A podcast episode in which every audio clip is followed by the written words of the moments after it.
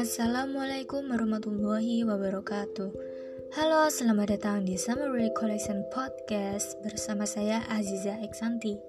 Di episode kali ini, saya akan merangkum materi tentang aplikasi keperawatan transkultural dalam berbagai masalah kesehatan pasien dan sepanjang daur kehidupan. Oke, langsung saja Transkultural nursing adalah suatu area atau wilayah keilmuan budaya pada proses belajar dan praktik keperawatan yang fokus memandang perbedaan dan kesamaan di antara budaya dengan menghargai asuhan, sehat dan sakit didasarkan pada nilai budaya manusia, kepercayaan, dan tindakan dan ilmu ini digunakan untuk memberikan asuhan keperawatan, khususnya budaya atau keutuhan budaya kepada manusia, yang dalam penggunaannya bertujuan untuk mengembangkan sains dan pohon keilmuan yang humanis, sehingga tercipta praktik keperawatan pada kultur yang spesifik dan universal, kultur dengan nilai-nilai dan norma-norma yang diyakini dan dilakukan hampir semua kultur. Hal ini menurut Leininger tahun 2002. Proses keperawatan transkultural diaplikasikan untuk mengurangi konflik perbedaan budaya atau lintas budaya antara perawat sebagai profesional dan pasien karena perilaku budaya terkait sehat sakit masyarakat secara umum masih banyak dilakukan pada keluarga secara turun-temurun. Proses keperawatan transkultural terdiri dari tahap pengkajian keperawatan transkultural, diagnosa keperawatan transkultural, rencana tindakan keperawatan transkultural, tindakan keperawatan transkultural, dan evaluasi tindakan keperawatan transkultural. Budaya yang telah menjadi kebiasaan tersebut diterapkan dalam asuhan keperawatan transkultural berdasarkan kerangka kerja keperawatan transkultural yang dikenal dengan Leininger Sunrise Model berupa cultural care, world view, culture and social culture dimensions, generic care system, professional system, culture care preservation, culture care accommodation, culture care repairing, culture congruence, serta tiga strategi utama intervensi Leininger, yaitu pemeliharaan terhadap budaya, negosiasi budaya, dan merestrukturisasi budaya. Dunia saat ini sedang mengalami era globalisasi. Globalisasi memungkinkan adanya perpindahan penduduk atau imigrasi antar negara atau antar daerah yang menyebabkan peningkatan jumlah penduduk dalam negara, baik populasi maupun variasinya menurut United Nations Population Fund tahun 2011. Pada akhir bulan Oktober tahun 2011, jumlah penduduk dunia akan mencapai 7 miliar penduduk. Ini memungkinkan adanya multikultural atau variasi kultur pada suatu wilayah. Berdasar pada hal tersebut, penting bagi setiap tenaga kesehatan profesional, termasuk perawat, untuk mengetahui dan bertindak dengan perspektif global bagaimana merawat pasien dengan berbagai macam latar belakang, kultur, atau budaya yang berbeda dari berbagai tempat di dunia ini. Penanganan pasien dengan perbedaan latar belakang budaya disebut dengan transcultural nursing. Menurut Leininger, transcultural nursing adalah suatu area atau wilayah keilmuan budaya pada proses belajar dan praktik keperawatan yang fokus memandang perbedaan dan kesamaan di antara budaya dengan menghargai asuhan, sehat sakit didasarkan pada nilai budaya manusia, kepercayaan, dan tindakan, dan ilmu ini digunakan untuk memberikan asuhan keperawatan, khususnya budaya atau keutuhan budaya kepada manusia yang dalam penggunaannya bertujuan untuk mengembangkan sains dan pohon keilmuan yang humanis, sehingga tercipta praktik keperawatan pada kultur yang spesifik dan universal, kultur dengan nilai-nilai dan norma-norma yang diyakini dan dilakukan hampir semua kultur, misalnya seperti budaya minum teh yang dapat membuat tubuh sehat. Berdasarkan definisi Leininger di atas, dapat dalam melaksanakan praktik keperawatan yang bersifat humanis, perawat perlu memahami landasan teori dan praktik keperawatan yang berdasarkan budaya. Budaya yang telah menjadi kebiasaan tersebut diterapkan dalam asuhan keperawatan transkultural berdasarkan kerangka kerja keperawatan transkultural yang dikenal dengan Leininger Sunrise Model. Dan tiga, strategi utama intervensi Leininger yaitu pemeliharaan terhadap budaya, negosiasi budaya, dan merestrukturisasi budaya. Bila seseorang perawat mengabaikan landasan teori dan praktik keperawatan yang berdasarkan budaya atau keperawatan transkultural, perawat akan mengalami kultural cultural shock.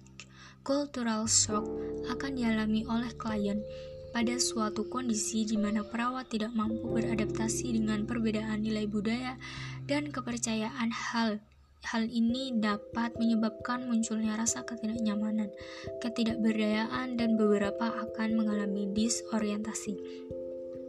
Salah satu contoh yang sering ditemukan adalah ketika klien sedang mengalami nyeri. Pada beberapa daerah atau negara diperbolehkan seseorang untuk mengungkapkan rasa nyeri dengan berteriak atau menangis. Tetapi bila seandainya Perawat terbiasa dengan hanya meringis jika merasa nyeri, ia akan menganggap sikap pasien mengganggu dan tidak sopan. Maka, perawat pun akan meminta pasien bersuara pelan, bahkan tak jarang akan memarahinya karena dianggap mengganggu pasien lainnya. Kebutaan budaya yang dialami oleh perawat ini akan berakibat pada penurunan kualitas keperawatan yang diberikan. Kita masuk ke poin yang kedua yaitu aplikasi konsep dan prinsip transkultural sepanjang daruk kehidupan manusia. Perawatan kehamilan dan kelahiran kehamilan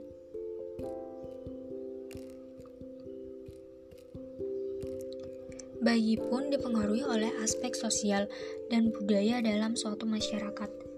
Dalam ukuran-ukuran tertentu, fisiologi kelahiran secara universal sama, namun, proses kelahiran sering ditanggapi dengan cara yang berbeda-beda oleh aneka kelompok masyarakat. Hal ini menurut Jordan tahun 1993. Berbagai kelompok yang memiliki penilaian terhadap aspek kultural tentang kehamilan dan kelahiran menganggap peristiwa itu merupakan tahapan yang harus dijalani di dunia. Salah satu kebudayaan masyarakat Kerinci di Provinsi Jambi misalnya wanita hamil dilarang makan rebung karena menurut masyarakat setempat jika wanita hamil makan rebung maka bayinya akan berbulu seperti rebung. Makan jantung pisang juga diyakini menurut keyakinan mereka akan membuat bayi lahir dengan ukuran yang kecil. Dalam kebudayaan Batak, wanita hamil yang menginjak usia kehamilan 7 bulan diberikan kepada ibunya ulos tondi agar wanita hamil tersebut selamat dalam proses melahirkan. Ketika sang bayi lahir pun, nenek dari pihak ibu memberikan lagi ulos tondi kepada cucunya sebagai simbol perlindungan. Sang ibu akan menggendong menggendong anaknya dengan ulos tersebut agar anaknya selalu sehat dan cepat besar. Ulos tersebut dinamakan ulos parompa Pantangan dan simbol yang terbentuk dari kebudayaan hingga kini masih dipertahankan dalam komunitas dan masyarakat. Dalam menghadapi situasi ini, pelayanan kompeten secara budaya diperlukan bagi seseorang perawat untuk menghilangkan perbedaan dalam pelayanan. Bekerja sama dengan budaya serta berupaya mencapai pelayanan yang optimal bagi klien dan keluarga.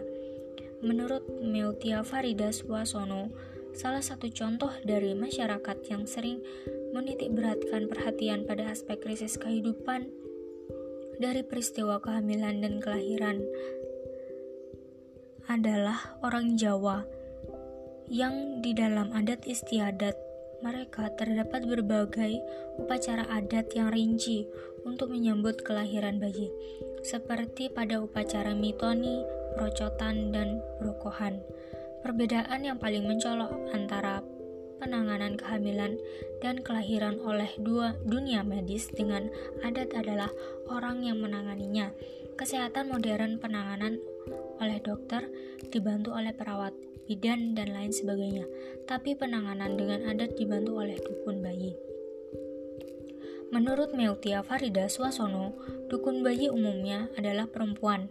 Walaupun dari berbagai kebudayaan tertentu, dukun bayi adalah laki-laki, seperti pada masyarakat Bali, Hindu, yang disebut Balian Mana dengan usia di atas 50 tahun dan profesi ini tidak dapat digantikan oleh perempuan karena dalam proses menolong persalinan, sang dukun harus membacakan mantra-mantra yang hanya boleh diucapkan oleh laki-laki karena sifat sakralnya. Proses pendidikan atau rekrutmen untuk menjadi dukun bayi bermacam-macam. Ada dukun bayi yang memperoleh keahliannya melalui proses belajar yang diwariskan dari nenek atau ibunya. Namun ada pula yang mempelajari dari seorang guru karena merasa terpanggil. Dari segi budaya, melahirkan tidak hanya merupakan suatu proses semata-mata berkenaan dengan lahirnya sang bayi saja, namun tempat melahirkan pun harus terhindar dari berbagai kotoran tapi kotor dalam arti keduniawian sehingga kebudayaan menetapkan bahwa proses mengeluarkan unsur-unsur yang kotor atau keduniawian harus dilangsungkan di tempat yang sesuai keperluan itu. Jika dokter memiliki obat-obat medis, maka dukun bayi punya banyak ramuan untuk dapat menangani ibu dan janin. Umumnya ramuan itu diracik dari berbagai jenis tumbuhan atau bahan-bahan lainnya yang diyakini berkhasiat sebagai penguat tubuh atau pelancar proses persalinan. Menurut pendekatan biososiokultural dalam kajian antropologi, kehamilan dan kelahiran dilihat bukan hanya aspek biologis dan fisiologis saja, melainkan sebagai proses yang mencakup pemahaman dan pengaturan hal-hal seperti pandangan budaya mengenai kehamilan dan kelahiran, persiapan kelahiran, para pelaku dalam pertolongan persalinan, wilayah tempat kelahiran berlangsung, cara pencegahan bahaya, penggunaan ramuan atau obat-obatan tradisional, cara menolong kelahiran, pusat kekuatan dalam pengambilan keputusan mengenai pertolongan serta perawatan bayi dan ibunya. Berdasarkan uraian di atas, perawat harus mampu memahami kondisi kliennya yang memiliki budaya berbeda. Perawat juga dituntut untuk memiliki keterampilan dalam pengkajian budaya yang akurat dan komprehensif sepanjang waktu, berdasarkan warisan etnik dan riwayat etnik riwayat biokultural, organisasi sosial, agama, dan kepercayaan serta pola komunikasi. Semua budaya mempunyai dimensi lampau, sekarang, dan mendatang. Untuk itu, penting bagi perawat memahami orientasi waktu wanita yang mengalami transisi kehidupan dan sensitif terhadap warisan budaya keluarganya. Baiklah, kesimpulannya yaitu Proses keperawatan transkultural diaplikasikan untuk mengurangi konflik perbedaan budaya atau lintas budaya antara perawat sebagai profesional dan pasien karena perilaku budaya terkait sehat sakit. Masyarakat secara umum masih banyak dilakukan pada keluarga secara turun-temurun. Baik, terima kasih. Sekian rangkuman dari saya. Mohon maaf bila ada kekurangan.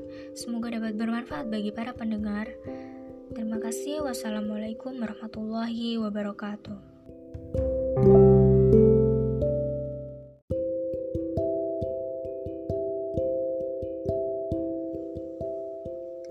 Assalamualaikum warahmatullahi wabarakatuh. Halo, selamat datang di Summary Collection Podcast bersama saya Aziza Eksanti. Di episode kali ini, saya akan merangkum materi tentang aplikasi keperawatan transkultural dalam berbagai masalah kesehatan pasien dan sepanjang daur kehidupan. Oke, langsung saja. Transkultural nursing adalah suatu area atau wilayah keilmuan budaya pada proses belajar dan praktik keperawatan yang fokus memandang perbedaan dan kesamaan di antara budaya dengan menghargai asuhan, sehat dan sakit didasarkan pada nilai budaya manusia, kepercayaan, dan tindakan. Dan ilmu ini digunakan untuk memberikan asuhan keperawatan, khususnya budaya atau keutuhan budaya kepada manusia, yang dalam penggunaannya bertujuan untuk mengembangkan sains dan pohon keilmuan yang humanis, sehingga tercipta praktik keperawatan pada kultur yang spesifik dan universal.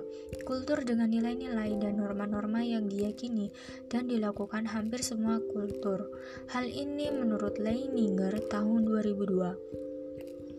Proses keperawatan transkultural diaplikasikan untuk mengurangi konflik perbedaan budaya atau lintas budaya antara perawat sebagai profesional dan pasien karena perilaku budaya terkait sehat sakit masyarakat secara umum masih banyak dilakukan pada keluarga secara turun-temurun.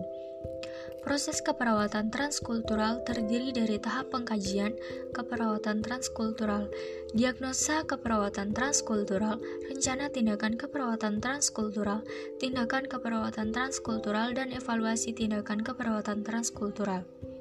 Budaya yang telah menjadi kebiasaan tersebut diterapkan dalam asuhan keperawatan transkultural berdasarkan kerangka kerja keperawatan transkultural yang dikenal dengan Leininger Sunrise Model berupa cultural care, world view, culture and social culture dimensions, generic care system, professional system, culture care preservation, culture care accommodation, culture care repertorying, culture congruence, serta tiga strategi utama intervensi Leininger, yaitu pemeliharaan terhadap budaya, negosiasi budaya, dan merestrukturisasi budaya. Dunia saat ini sedang mengalami era globalisasi.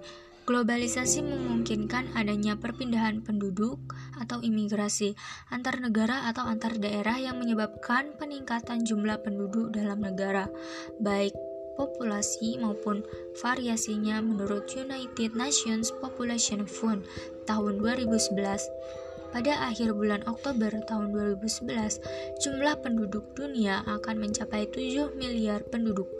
Ini memungkinkan adanya multikultural atau variasi kultur pada suatu wilayah. Berdasar pada hal tersebut, penting bagi setiap tenaga kesehatan profesional, termasuk perawat, untuk mengetahui dan bertindak dengan perspektif global bagaimana merawat pasien dengan berbagai macam latar belakang, kultur, atau budaya yang berbeda dari berbagai tempat di dunia ini. Penanganan pasien dengan perbedaan latar belakang budaya disebut dengan transcultural nursing.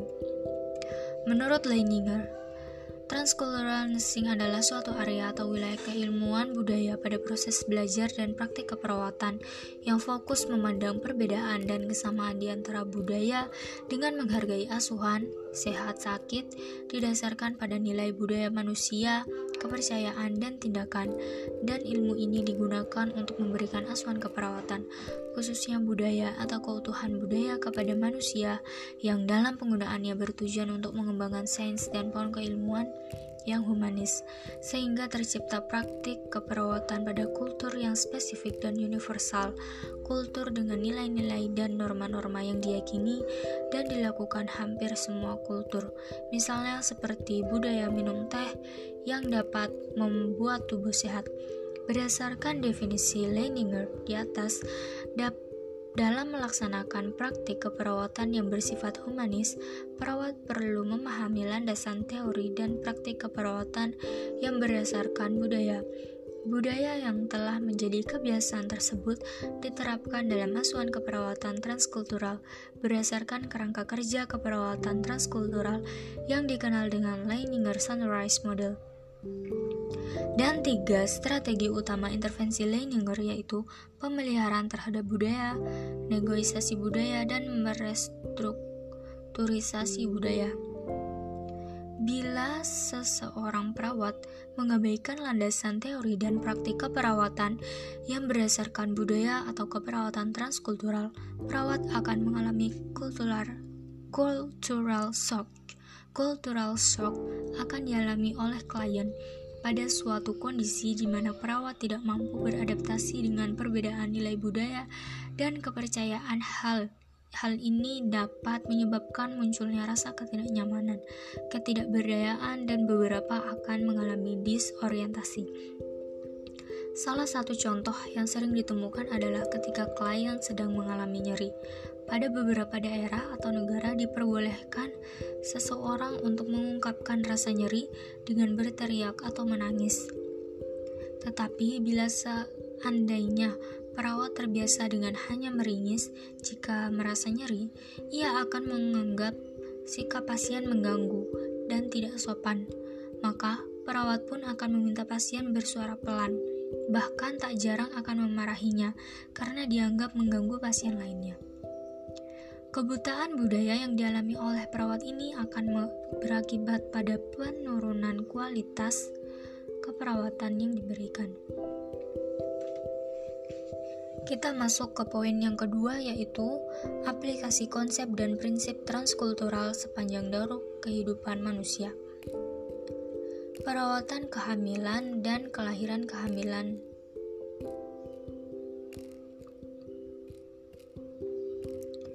Bayi pun dipengaruhi oleh aspek sosial dan budaya dalam suatu masyarakat.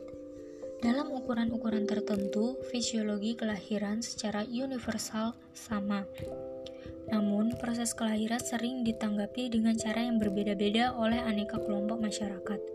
Hal ini menurut Jordan tahun 1993. Berbagai kelompok yang memiliki penilaian terhadap aspek kultural tentang kehamilan dan kelahiran menganggap peristiwa itu merupakan tahapan yang harus dijalani di dunia. Salah satu kebudayaan masyarakat Kerinci di Provinsi Jambi misalnya, wanita hamil dilarang makan rebung karena menurut masyarakat setempat jika wanita hamil makan rebung maka bayinya akan berbulu seperti rebung. Makan jantung pisang juga diyakini menurut keyakinan mereka akan membuat bayi lahir dengan ukuran yang kecil. Dalam kebudayaan Batak, wanita hamil yang menginjak usia kehamilan 7 bulan diberikan kepada ibunya ulos tondi agar wanita hamil tersebut selamat dalam proses melahirkan. Ketika sang bayi lahir pun, nenek dari pihak ibu memberikan lagi ulos tondi kepada cucunya sebagai simbol perlindungan. Sang ibu akan menggendong menggendong anaknya dengan ulos tersebut agar anaknya selalu sehat dan cepat besar. Ulos tersebut dinamakan ulos parompa Pantangan dan simbol yang terbentuk dari kebudayaan hingga kini masih dipertahankan dalam komunitas dan masyarakat. Dalam menghadapi situasi ini, pelayanan kompeten secara budaya diperlukan bagi seseorang perawat untuk menghilangkan perbedaan dalam pelayanan. Bekerja sama dengan budaya serta berupaya mencapai pelayanan yang optimal bagi klien dan keluarga. Menurut Meutia Farida Swasono, salah satu contoh dari masyarakat yang sering menitik beratkan perhatian pada aspek krisis kehidupan dari peristiwa kehamilan dan kelahiran adalah orang Jawa yang di dalam adat istiadat mereka terdapat berbagai upacara adat yang rinci untuk menyambut kelahiran bayi, seperti pada upacara mitoni, perocotan, dan perokohan. Perbedaan yang paling mencolok antara penanganan kehamilan dan kelahiran oleh dua dunia medis dengan adat adalah orang yang menanganinya. Kesehatan modern penanganan oleh dokter dibantu oleh perawat, bidan, dan lain sebagainya. Tapi penanganan dengan adat dibantu oleh dukun bayi. Menurut Meutia Farida Swasono, dukun bayi umumnya adalah perempuan. Walaupun dari berbagai kebudayaan tertentu, dukun bayi adalah laki-laki, seperti pada masyarakat Bali, Hindu, yang disebut Balian Mana dengan usia di atas 50 tahun dan profesi ini tidak dapat digantikan oleh perempuan karena dalam proses menolong persalinan, sang dukun harus membacakan mantra-mantra yang hanya boleh diucapkan oleh laki-laki karena sifat sakralnya Proses pendidikan atau rekrutmen untuk menjadi dukun bayi bermacam-macam. Ada dukun bayi yang memperoleh keahliannya melalui proses belajar yang diwariskan dari nenek atau ibunya. Namun ada pula yang mempelajari dari seorang guru karena merasa terpanggil.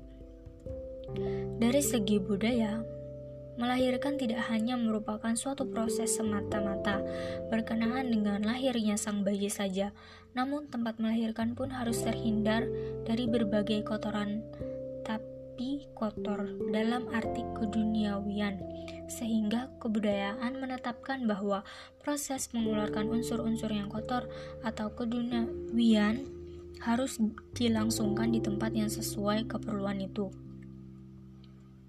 Jika dokter memiliki obat-obat medis, maka dukun bayi punya banyak ramuan untuk dapat menangani ibu dan janin.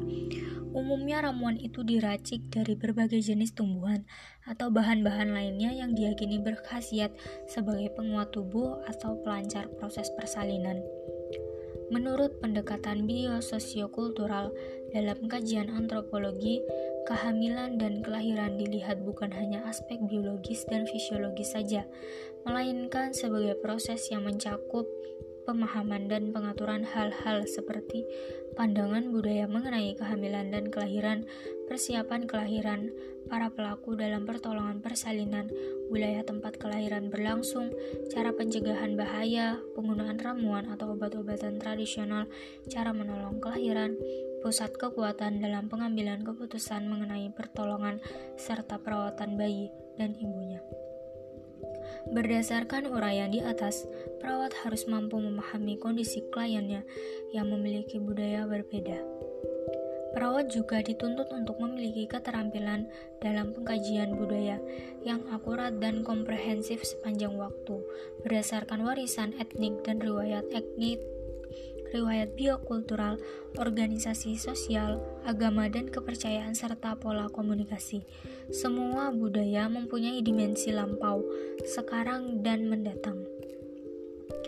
Untuk itu, penting bagi perawat memahami orientasi waktu wanita yang mengalami transisi kehidupan dan sensitif terhadap warisan budaya keluarganya.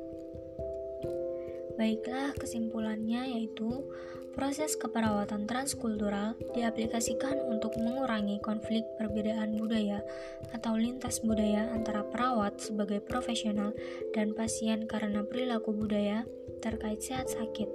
Masyarakat secara umum masih banyak dilakukan pada keluarga secara turun-temurun. Baik, terima kasih. Sekian rangkuman dari saya. Mohon maaf bila ada kekurangan. Semoga dapat bermanfaat bagi para pendengar. Terima kasih. Wassalamualaikum warahmatullahi wabarakatuh.